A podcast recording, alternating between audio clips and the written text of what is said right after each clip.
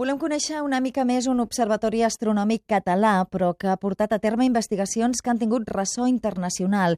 Parlem de l'Observatori Esteve Duran, un centre d'investigació astronòmica que, malgrat que té uns recursos limitats, ha aconseguit èxits científics que s'han publicat a revistes de la talla de Nature o de Nature Geoscience. Tenim amb nosaltres Enric García Melendo, que és el cap científic de l'Observatori. Bon dia. Hola, bon dia. Estem parlant d'un centre amb gairebé 20 anys d'història però que en aquests moments passa per moments difícils. Sí, efectivament. És a dir, eh, el, el centre es va inaugurar el 1994, va començar la seva activitat al 1996 i des de llavors eh, doncs, bueno, l'Observatori depèn d'una fundació privada, una entitat sense ànim de lucre, i des de llavors doncs, eh, eh, diguem que, que, que, que ha rebut el suport del patronat. Eh, degut a la crisi que estem patint tan forta, doncs eh, diguem que això també ha afectat el patronat i llavors això està afectant el que són els recursos de, de l'observatori. I, I, de fet, la situació és com bastant preocupant, hi ha una seriosa amenaça de tancament i per això heu obert una campanya d'adhesions. Efectivament, és a dir, si no trobem un patrocinadors o un mecenes, doncs eh, podria ser que pràcticament segur que tancaríem en un plaç de pocs mesos, eh, un, un parell de mesos o així. Llavors el que hem fet és obrir una campanya d'adhesions per ajudar a el que seria la cerca de patrocinadors o mecenes que puguin estar interessats uh, realment en ajudar a suportar donar suport a, a l'observatori perquè uh, pugui doncs, portar endavant la seva tasca científica. Perquè, de fet, eh, estem parlant d'un centre amb una tasca científica important, però com neix aquest centre, l'Esteve Duran? Bueno, L'Esteve Duran eh, era fill de Granollers, era químic i economista, llavors ell era un aficionat a l'astronomia i volia un observatori, un telescopi gran, des d'on poder observar les estrelles, els planetes, etc. I llavors va trobar que, el, que a, a Ceba, concretament al Muntanyà, dins del que és el municipi de Ceba, doncs era un lloc que no estava massa lluny de, eh, diguem, de, de Granollers i que al mateix temps podia portar la família, perquè també havia de portar la família. Llavors allà va construir el centre, és a dir, va construir l'observatori, Després, una fita molt interessant és que inicialment es pensava doncs, comprar el telescopi a algun fabricant, és a dir, hi ha empreses que es dediquen exclusivament a fabricar telescopis al món, i llavors a, al final es van decidir per eh, fer el telescopi doncs, aquí a Catalunya. I el telescopi està tot dissenyat i està tot construït a Mollet del Vallès. Únicament algunes parts, com l'òptica, que es va fer a França, o la cúpula de l'observatori, que es va encarregar també una empresa especialitzada en cúpules d'observatori als Estats Units. Llavors, a partir d'aquí, doncs, eh, ell va muntar l'observatori. Malauradament, ell va morir al, al 95, al 1900, després de la seva inauguració, el 1995, i a partir d'aquí la família va crear la fundació i va posar en marxa l'observatori. Diguem que aquest podria ser l'origen, no? Llavors el patronat i la, la família, està també la, representat a l'Ajuntament de Seva i hi ha també altres particulars que van ajudar a la construcció de, de l'observatori. I dèiem que durant aquest temps s'hi han fet investigacions molt importants. Eh, potser una de les més destacades és l'estudi sobre la tempesta de Saturn de l'any 2010. En què va consistir exactament aquesta recerca?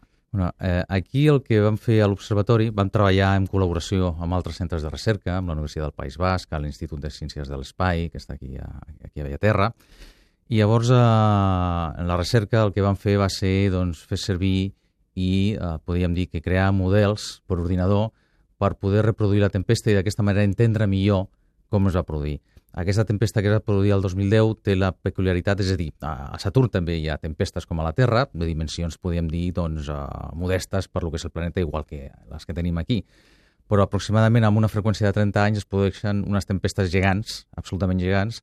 Es considera que són les tempestes eh, més grans del sistema solar i llavors eh, l última que es va poder observar amb mitjans una mica avançats va ser el 1990 i llavors la següent, que s'esperava el 2020, en realitat es va avançar a 10 anys i es va produir el 2010. En aquest cas ja, disposem, ja disposaven de molta més tecnologia, la sonda Cassini, que està orbitant Saturn, que va treure imatges i dades importantíssimes, i també telescopis de, sobre la superfície de la Terra, amb nova tecnologia. Aquí també van tenir doncs, un paper importantíssim als aficionats que estaven repartits per tot el món perquè va permetre seguir la tempesta durant, bueno, de manera ininterrompuda des de que es va aparèixer fins que va morir, fins que va desaparèixer la tempesta. I llavors el, el que van fer va ser, doncs, ja que teníem aquestes dades, eh, fer reproduir, o sigui, fer models per ordinador per reproduir la tempesta, podríem dir, a l'ordinador. I d'aquesta manera entendre per primera vegada com es va desenvolupar. És a dir, l'origen d'aquestes tempestes és uh, encara un misteri, no sabem com es produeixen. A més, una tempesta que va durar gairebé set mesos i mig, vuit mesos, és a dir, no com aquí, que les tempestes duren unes hores o poc més, no? Però tot el que va ser la seva interacció amb els vents de Saturn, uh, la, la seva evolució, el seu desenvolupament, tot això, doncs vam poder explicar gràcies a models per ordinador que, que vam fer i que vam córrer a l'observatori, no solament a l'observatori, sinó també al, al CESCA, i a l'Institut de Ciències de l'Espai, que va fer servir ordinadors de gran potència per poder reproduir la tempesta. Vosaltres vau col·laborar en tota aquesta recerca que va tenir ressò internacional. Efectivament, després el resultat de tot això es va publicar a Nature Geoscience, que diguem és una revista del grup Nature que està especialitzada precisament en geofísica i que en la seva especialitat és la més, eh, especialitat és la més important que hi, ha, que hi ha al món. Això es va publicar al mes de juliol, penso si no recordo malament. Però 20 anys eh, donen per molt. Quins altres treballs destacaríeu en la història de l'Observatori? Bueno, hi ha diverses, diverses branques de recerca. Actualment, una de les branques importants és el que anomenem ciències planetàries, i estudiar els planetes del sistema solar. I més en particular hem estudiat eh, doncs, les atmosferes, podríem dir, el temps, a Júpiter i a Saturn. No solament, no únicament vam, hem estudiat la, eh, la, la tempesta aquesta de Saturn, també hem estudiat tempestes a Júpiter, hem estudiat els grans vòrtex de, de Júpiter i Saturn, la gran taca vermella, etc. Hem estudiat també, per exemple, doncs, el règim de vents dominants de Júpiter i de Saturn. De fet, eh, si no recordo malament, el 2011 vam publicar un treball també en el qual es donava per primera vegada tot, tot el que era la circulació, és a dir, els vents dominants a Saturn de, des del pol nord fins al pol sud, amb dades de la sonda Cassini. També hem fet recerca en planetes extrasolars, és a dir, l'Observatori va col·laborar precisament amb l'Institut del Telescopi Espacial en el descobriment de, de quatre planetes extrasolars. Un planeta extrasolar és un planeta en una altra estrella diferent del Sol. Eh? I llavors eh, també, per exemple, eh, l'Observatori va detectar per primera vegada i de manera independent amb un observatori a Anglaterra i un altre a França, doncs el trànsit d'un planeta, diguem que en un període de llarg durada, de més de 100 dies. I a part d'això, anteriorment s'havien fet més treballs des del punt de vista doncs, de l'estudi de les estrelles, és a dir, eh, buscar sistemes binaris, estudiar estrelles pulsants. Sistemes binaris són estrelles, sistemes de dos o tres, de dos estrelles, igual que pot ser la Terra i la Lluna són dues estrelles que interaccionen entre elles mateixes, o estrelles que comporten, eh, doncs, eh, tenen comportaments especials, mesurant la llum precisament d'aquestes estrelles. O sigui que podríem dir que la tasca científica a la llarg d'aquests anys s'ha s'ha repartit en tots aquests temes. Perquè quanta gent hi treballeu a l'Observatori per fer tota aquesta recerca? Bueno, a l'Observatori eh, hi ha molt poca gent. De fet, el, eh, el responsable científic sóc jo, únicament. Únicament hi ha una persona. Després eh, hi ha també una persona responsable de lo que seria la difusió de màrqueting, el Robert Manyer, i després tenim l'ajuda per part d'alguns membres del patronat. És a dir, que contem amb mitjans molt, molt limitats per poder eh, dur la nostra tasca. A banda de la recerca, eh, estem parlant també d'un centre que ofereix activitats per al públic interessat en l'astronomia o no?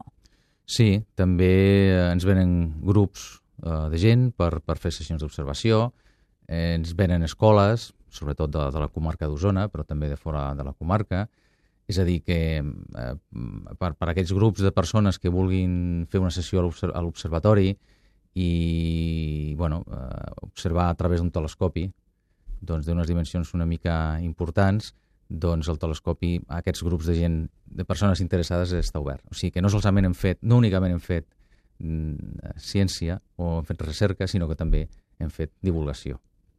Mm -hmm, això, és, això és important. Ja per acabar, eh, potser caldria recordar que ha de fer qualsevol ciutadà que vulgui contribuir perquè l'Observatori continuï endavant amb aquest treball tan important que heu fet durant 20 anys. Doncs és molt, és molt fàcil. Hi ha dues campanyes. Hi ha una que està a la web change.org i aquí estem recollint firmes per recolzar a l'Observatori amb la finalitat de eh, doncs, eh, trobar, o sigui, tenir més recolzament a l'hora de trobar finançament mitjançant patrocinadors o mecenes perquè vegin que l'Observatori doncs, uh, realment interessa doncs, a la població, a la gent, és a dir, la gent interessada en la ciència, en l'astronomia, en la recerca. I per una altra banda, de manera paral·lela també hi ha una campanya de crowdfunding, in project, eh, on les persones interessades doncs, poden fer també una aportació econòmica per ajudar, com a mínim, sostenir l'observatori durant, durant un any.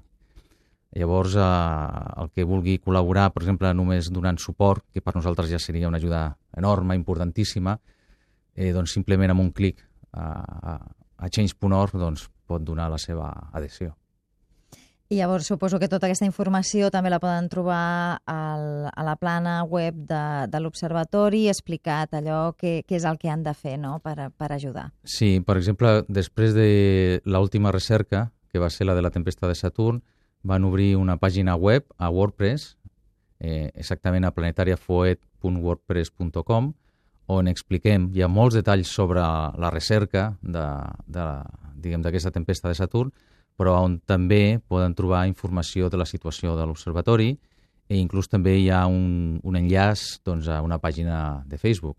Llavors, a partir d'aquí, doncs, les persones interessades poden tenir una, una idea del que s'ha fet últimament darrerament al, al, a l'observatori, que jo penso que pot ser molt, molt interessant. Molt bé, Enric García Melendo, molta sort amb aquestes campanyes i molta sort en el futur de l'Observatori, que esperem que sigui molt llarg. Doncs moltíssimes gràcies a vosaltres.